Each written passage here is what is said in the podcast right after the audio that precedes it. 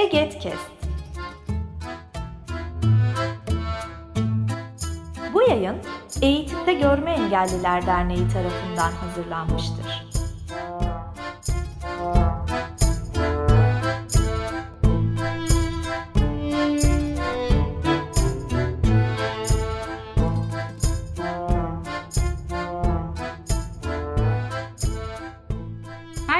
Merhaba. Sahadan Spor serisinin 3. bölümünde beraberiz. Ben Şeyma Büyükurvay ve konuğumuz Hüseyin Alkan. Hoş geldin Hüseyin. Hoş bulduk. Ee, kendini tanıtır mısın bize? Tabii tanıtayım. 0104-1988 Erzincan doğumluyum.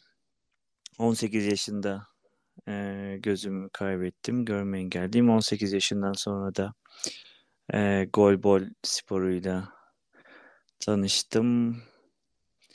E, şu an Ankara'da yaşıyorum.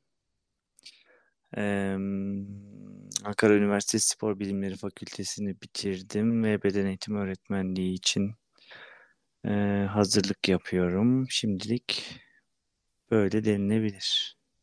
Peki, teşekkür ederiz. E, Golbol'le tanışma sürecinden biraz bahseder misin?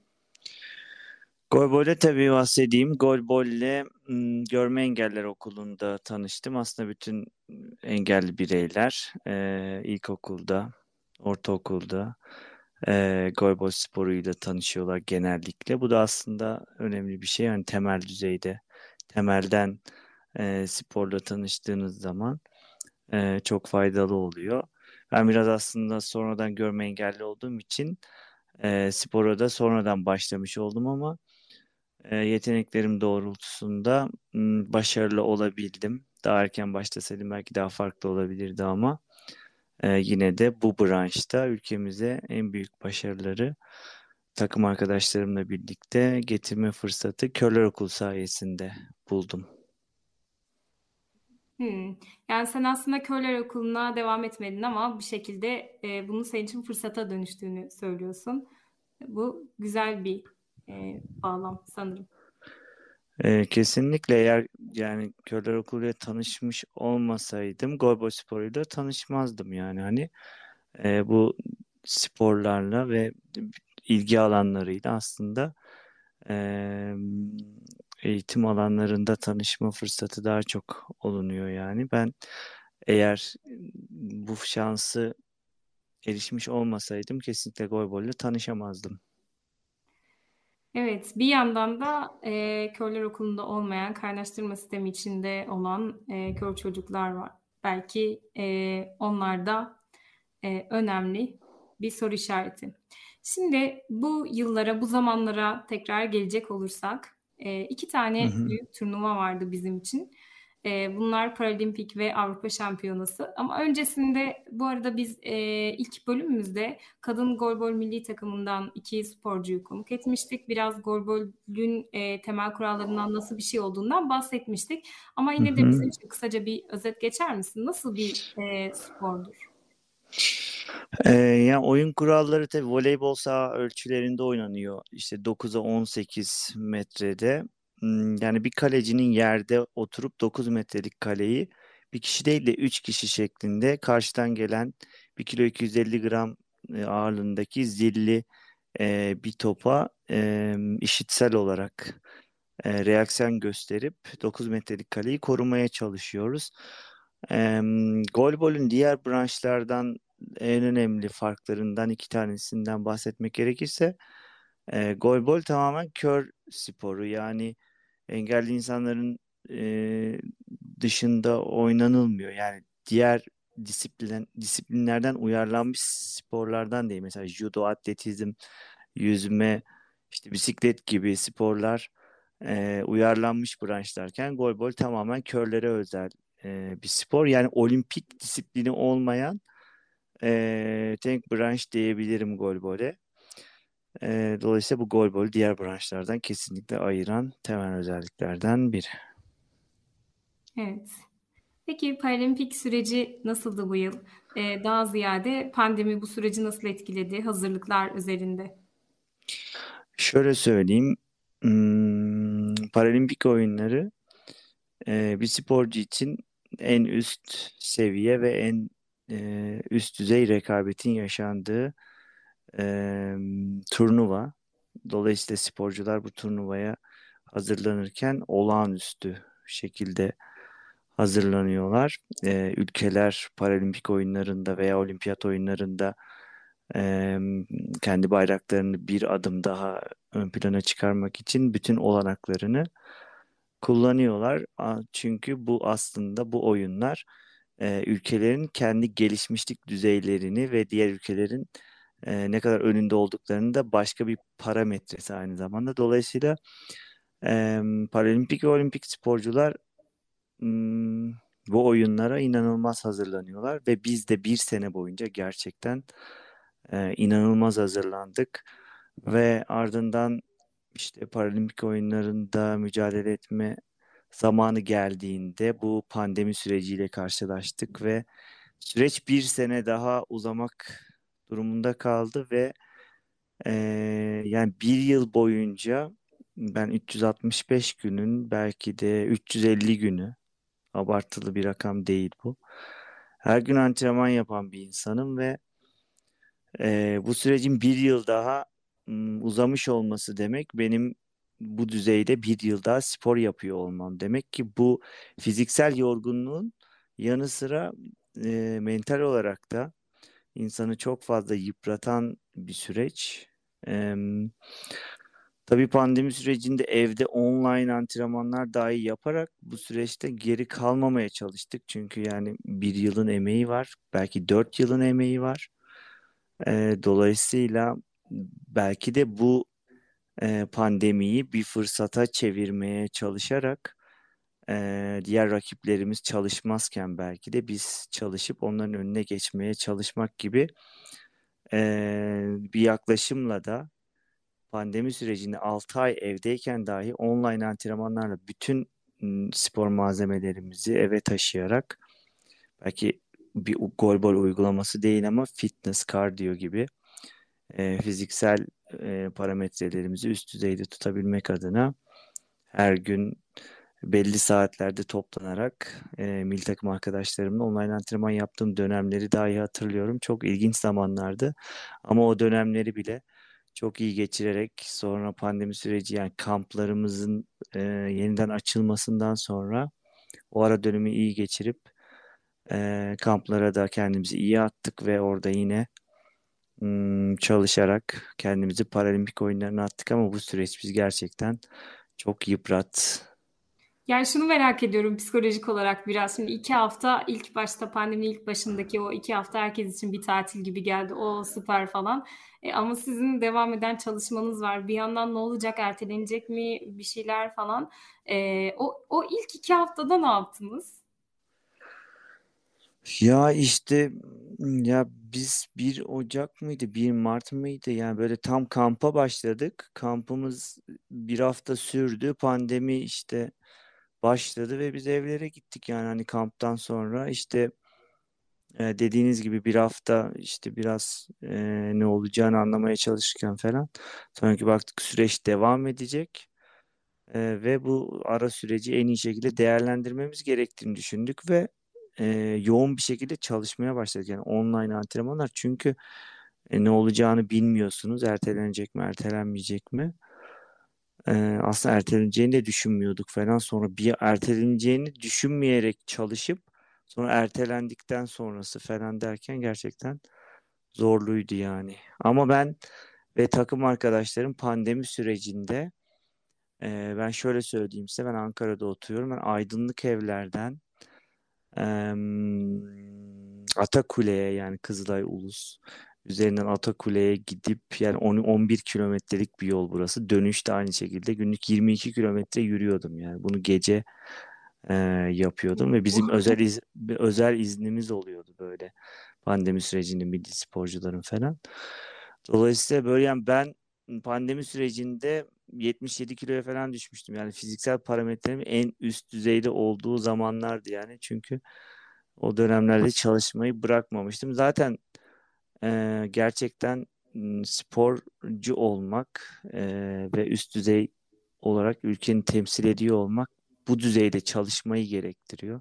Bunu alışkındık ama işte kapalı olmanın getirmiş olduğu bir takım dezavantajları da yine işte milli sporcu olmanın avantajlarıyla birleştirerek üstesinden gelmeye çalıştık diyebilirim yani.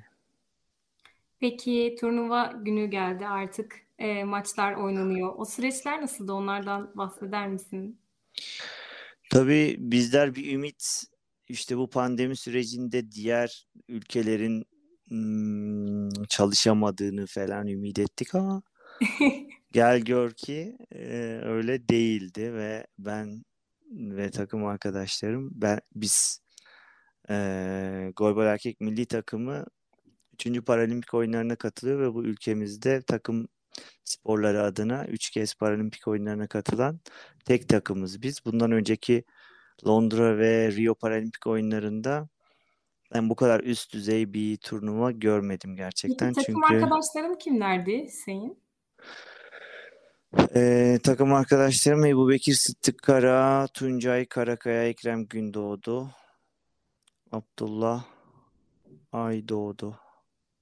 Takım arkadaşlarım bunlar. Bir de Oğuz. Bir dakika ya altıncı kişiyi unuttum işte.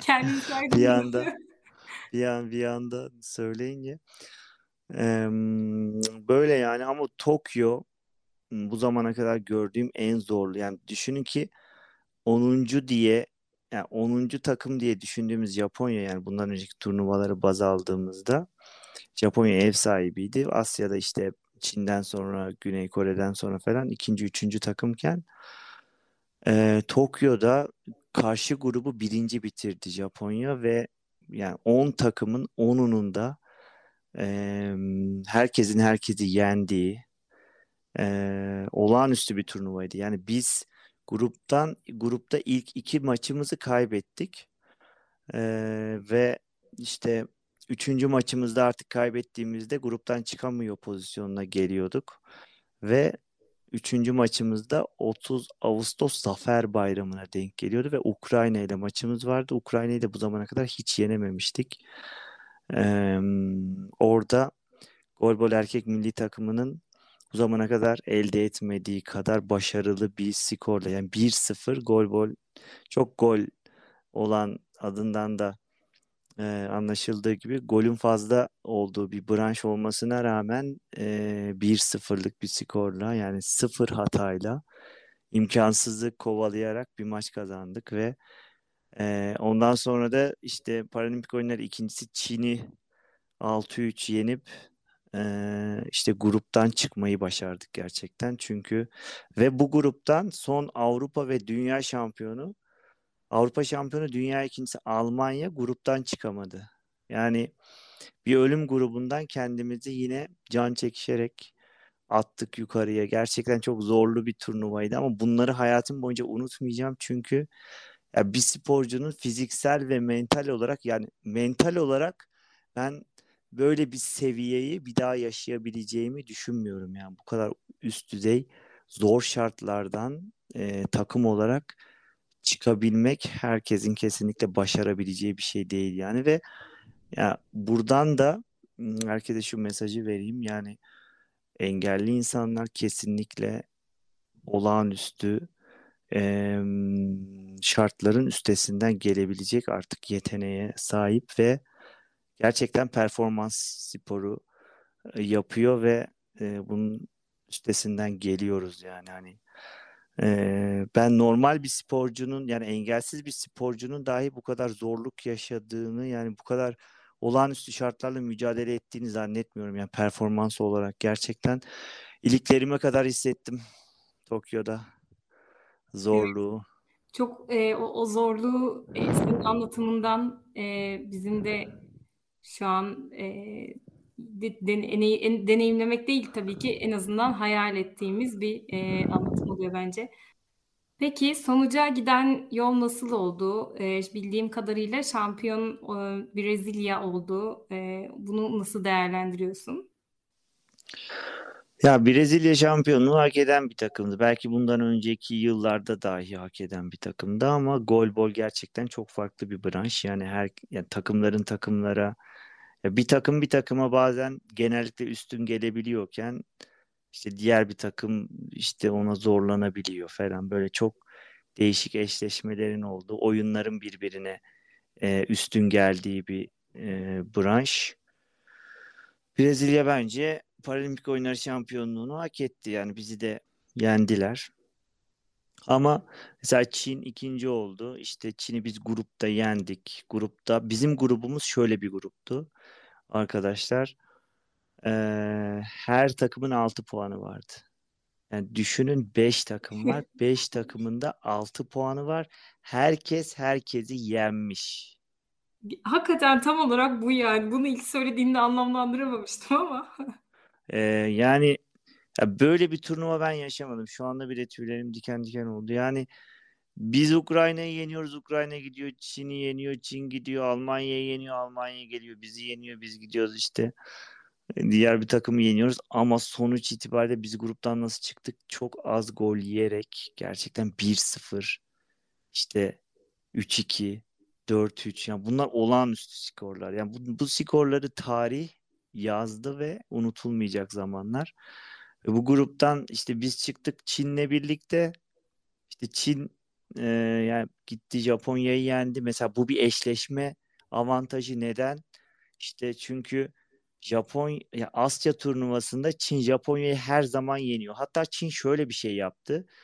E, Çin gruptan dördüncü çıkmak istedi. Üçüncü çıkma ihtimali varken biz üçüncü çıktık. Mesela biz dördüncü de çıkabilirdik. Üçüncü de çıkabilirdik. Çıkmamız garantiydi. Bir gol fazla yiyerek Almanya Almanya'ya e, Almanya'dan penaltı golü yiyerek penaltı yaptılar ve Almanya'dan bir penaltı yediler ve işte avarajlarını dengeleyerek dördüncü çıktılar.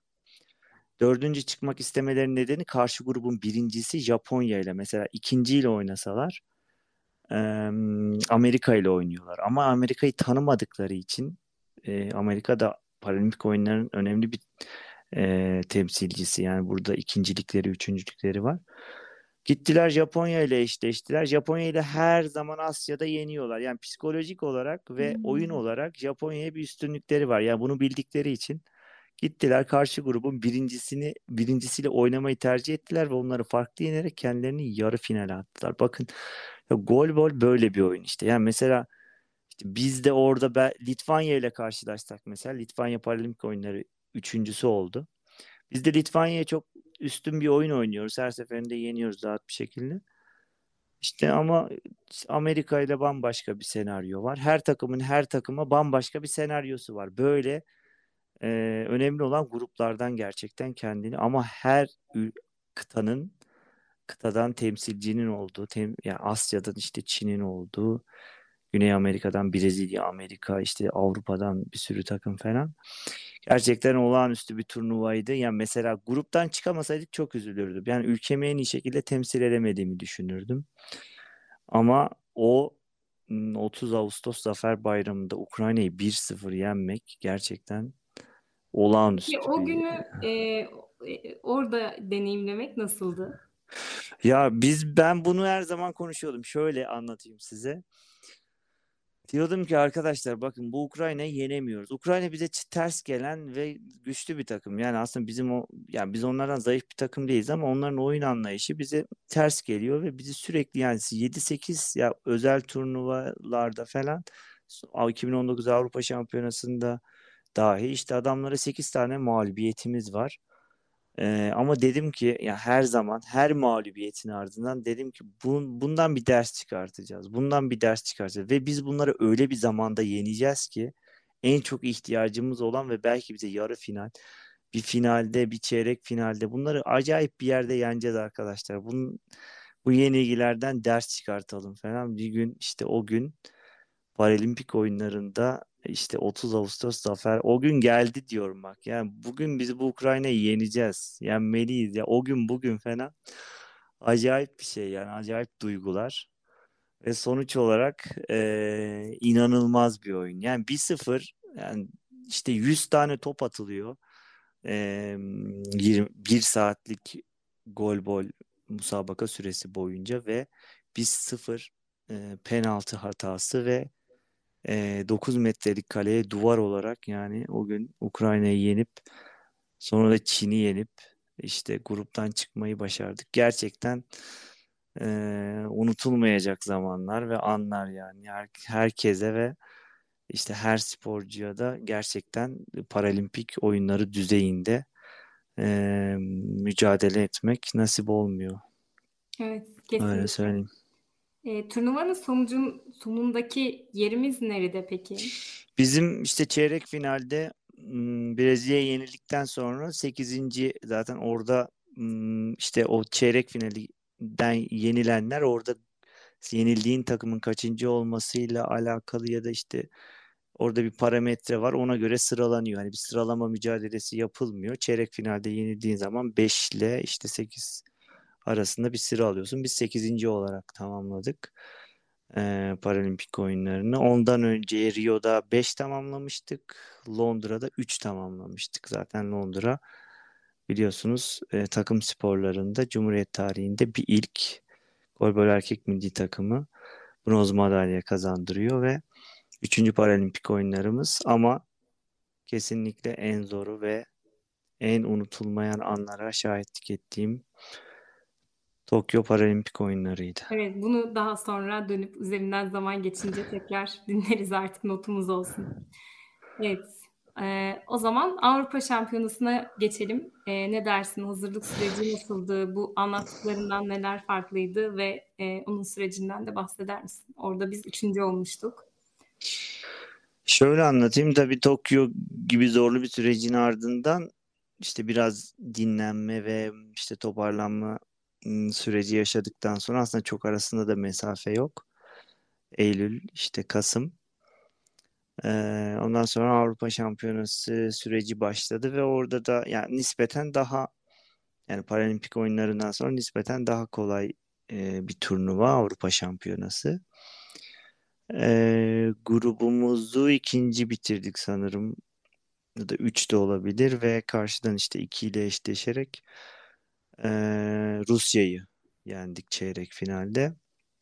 İşte sonra ya işte bakın e, grupta Almanya'ya yenildik 6-5 ve m, aslında şöyle söyleyeyim o yarı final mağlubiyetinden bahsedeyim ilk önce. Yarı finalde Ukrayna yine e, işte Paralimpik oyunlarında yendiğimiz Ukrayna'ya yarı finalde yenildik Avrupa Şampiyonası'nda.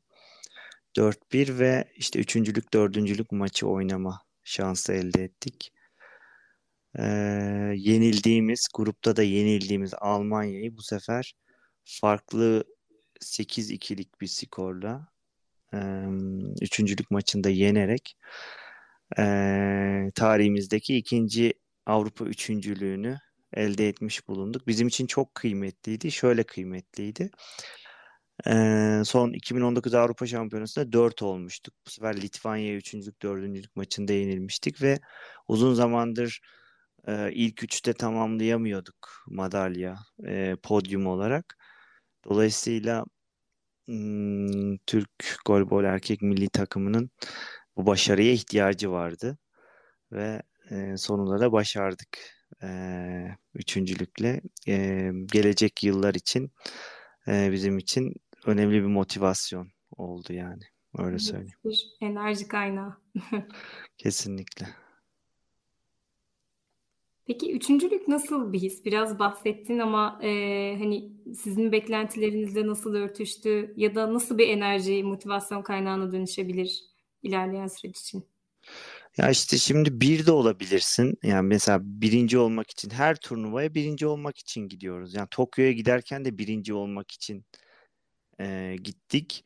Hani buraya gelirken Avrupa Şampiyonası'na gelirken de evimizde düzenleniyordu. Birinci olmamak için hiçbir neden yok. Ama işte yarı finalde işte ye- Tokyo'da yendiğin takıma yeniliyorsun veya yenildiğin takımı yenebiliyorsun gol gol. Anlık gerçekten o motivasyon, e, o maça hazırlık, o gün o gece uykunu aldın mı almadın mı, o gün yemekte ne yedin? E, işte o gün takım arkadaşların nasıl yani psikolojik olarak iyiler mi? Bunlar çok bir de takım sporu. E, hani bireysel bir branşta bir insan işte her şeyini saat gibi ayarlayıp e, kurup hazırlanıp hedefe işte varabilir belki ama takım sporu ama benim de tabii keyif aldığım şey bu. Ee, yani sa- sadece kendinden sorumlu değilsin. Yanındaki arkadaşların motivasyonundan da sorumlusun. Onlar da senden sorumlu. Yani altı kişinin enerjisinin bir araya gelip bir maçın üstesinden gelmesi durumu söz konusu ve böyle işte zorlu bir şey ama çok keyifli ve biz işte yarı finalde yenildik hani E, ama mesela orada yenildikten sonra yeniden toparlanıp üçüncülük maçına çıkıp onu almak falan. E, bizim için bir de uzun zamandır hani ilk üçte tamamlayamadığımız için bu üçüncülük çok önemliydi, çok kıymetliydi ve bu sefer o üçüncülük maçın hakkını verdiğimizi düşünüyorum ve mükemmel bir motivasyonla e, Almanya'dan çok az gol yiyerek ve son işte Avrupa şampiyonu. Bakar mısın son Avrupa şampiyonu üçüncülük dördüncülük maçına çıkıyor ve yeniliyor. İşte gol bol E, ve tüm sporlarda aslında devamlılık çok önemli, süreklilik çok önemli. Yani biz 2008'den beri e, erkek takımı olarak sürekli dünyada üst düzey turnuvalarda var olarak burada da çok genellikle ilk üçte bitirerek yani sürdürülebilir e, başarılı ünvanımızı korumaya çalıştık ve böyle oldu genellikle. Bunun mutluluğu e, da var yani o Avrupa Şampiyonası'nda üçüncülüğümüz çok kıymetliydi yani. Ve gelecek için de çok önemli. Orada da iki tane genç sporcumuz vardı. Onlar da o üçüncülük e, heyecanını yaşadılar ve mutluluğunu tattılar. Dolayısıyla geleceğimiz adına da o sporcuların böyle bir şey yaşamış olması da önemliydi. Daim Ee, olsun diyelim. Evet, evet. Ben son olarak bütün bu anlattıklarını toparlayan belki de çok geniş bir soru soracağım. Ee, ilk aklına gelenleri paylaşmam bizim için çok kıymetli.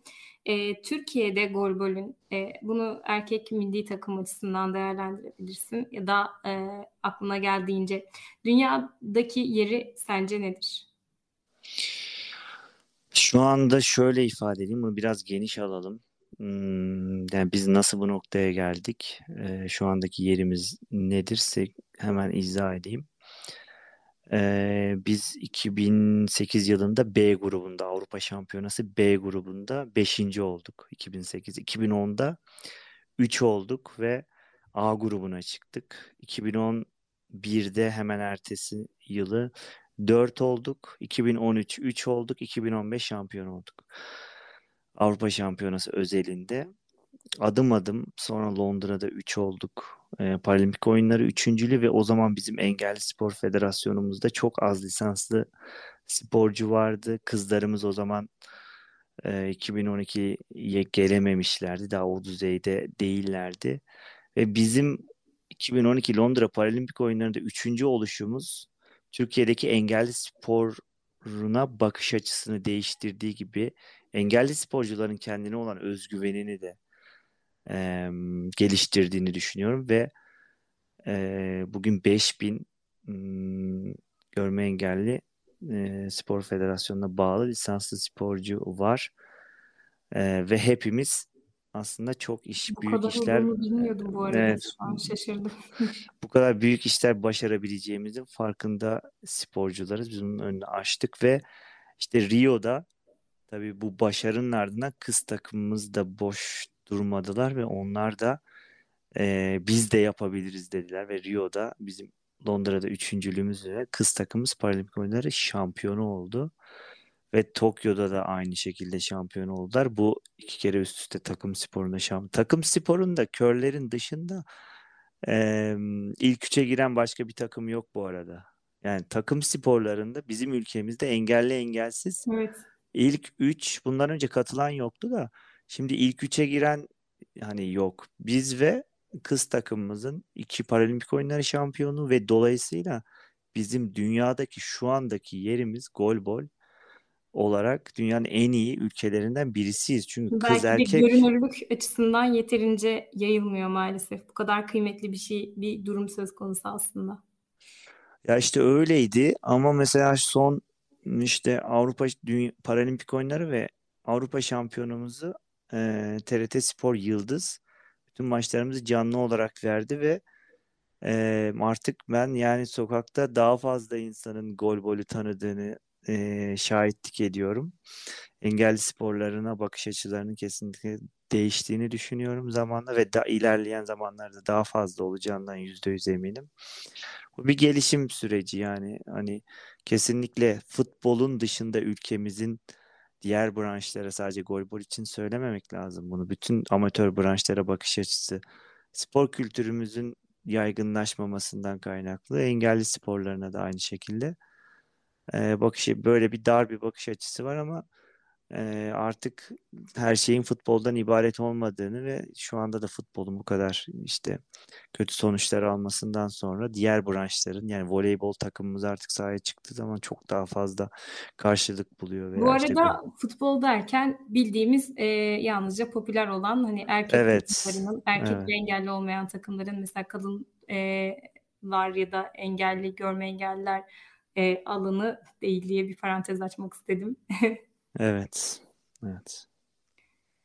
Evet, sondayız. Kapatırken ne söylemek istersin? Em, tabii e, şöyle ifade edeyim artık em, engelli insanlar bu alanda da yani spor alanında da dünyanın en e, başarılı sonuçlarına en fiziksel e, performansın en güzel şekilde sergilendiği e, şovunu en kaliteli şekilde gerçekleştiriyorlar. Bunun yani bu alanla alakalı da e, biz golbol erkek milli takımı üzerimize düşeni e, son 15 yıldır kesinlikle yapıyoruz. Engelli insanlar bu alanda çok başarılı. Bu açıdan gurur doluyum. Bunu ifade etmek isterim son olarak. Evet, bu gururu biz de paylaşıyoruz. Çok teşekkürler davetimizi kabul ettiğin, bize ses verdiğin için. Ben de çok teşekkür ederim. Yeni bölümlerimizde görüşmek dileğiyle. Hoşçakalın. Bu yayın Eğitimde Görme Engelliler Derneği tarafından hazırlanmıştır. Web sitesi eget.org Mail bilgi.eget.org Facebook Eğitimde Görme Engelliler.